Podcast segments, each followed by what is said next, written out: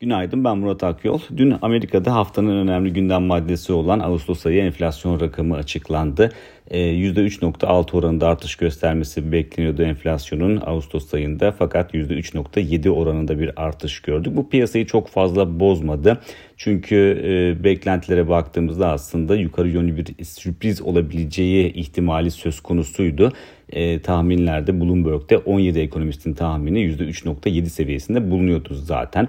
Cleveland Fed e, model tahmini de enflasyon için %3.8 seviyesini gösteriyordu. Bunun yanında zaten petrol fiyatlarındaki yukarı yönlü eğilimde e, böyle bir ihtimal yaratıyordu. Dolayısıyla enflasyon piyasa beklentisinin üzerinde açıklanmış olsa da e, çok ciddi bir bozulma, çok ciddi bir etki yaratmadı. E, zaten Eylül ayı toplantısında 20 Eylül'deki toplantısında Fed'in faiz oranlarında değişim yapması da beklenmiyor. Bugüne bakarsak bugün de Amerika'da üfe rakamı açıklanacak, perakende satışlar rakamı açıklanacak. Dolayısıyla bu rakamları takip edeceğiz ama tabii ki üfe açısından bakarsak özellikle etki derecesi tüfe kadar olmayacaktır. Dolayısıyla çok ciddi bir etki de e, beklememek gerekiyor. Özellikle üfeden tabii perakende satışlar rakamının ortaya koyacağı tabloda oldukça e, önemli diyebiliriz. E, Euro bölgesine baktığımızda ise Euro bölgesinde bugün ECB toplantısı e, gerçekleştirilecek. E, orada da faizlerde herhangi bir değişiklik yapılması beklenmiyor. Daha çok sonraki dönemlere ilişkin verilebilecek sinyalleri yakından takip edeceğiz. Çok büyük ihtimalle enflasyon yüksek olduğu için ECB e e, faiz arttırma e, potansiyelini canlı tutacaktır. Buna açık kapı bırakacaktır.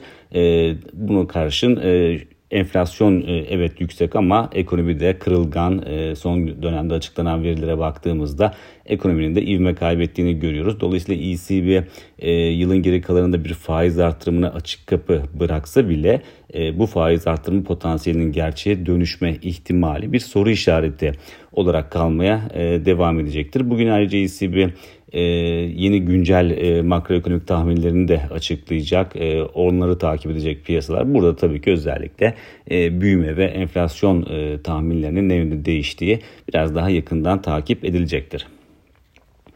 Borsa İstanbul'a döndüğümüzde ise e, Borsa İstanbul e, kırılganlığını aslında BIST endeksi sürdürüyor. E, dar bir bant aralığında da aslında sıkışmış durumda endeks ve dün 8000 puan seviyesinin de altını test ettiğini gördük ki e, burası aslında önemli bir destek noktası. Dolayısıyla bu noktanın üzerinde kapanış yapılmasının aslında rahatlatıcı bir unsur olduğunu söyleyebiliriz. Fakat 8000'in aşağı yönlü geçilmesi durumunda ve burada özellikle kapanış yapılması durumunda bunun e, kısa vadeli görünümü e, bozma ihtimalinde göz önünde bulundurmak gerekir. Yukarı baktığımızda ise yukarıda da 8400 puan seviyesi test edip aşamadığımız noktaydı. Dolayısıyla kısa vadeli görünümün iyileşmesi için e, bu noktanın e, aşılması gerektiğini düşünüyoruz. Fakat buradan da belirgin şekilde uzaklaşmış durumdayız. Dolayısıyla haftanın e, geri kalanında özellikle de 8000 puan desteğinin üzerinde endeksin kuvvetli bir şekilde tutunup burada tepki alımlarıyla yönünü yukarı çevirip çeviremeyeceğini izleyeceğiz. Bir sonraki podcast'te görüşmek üzere.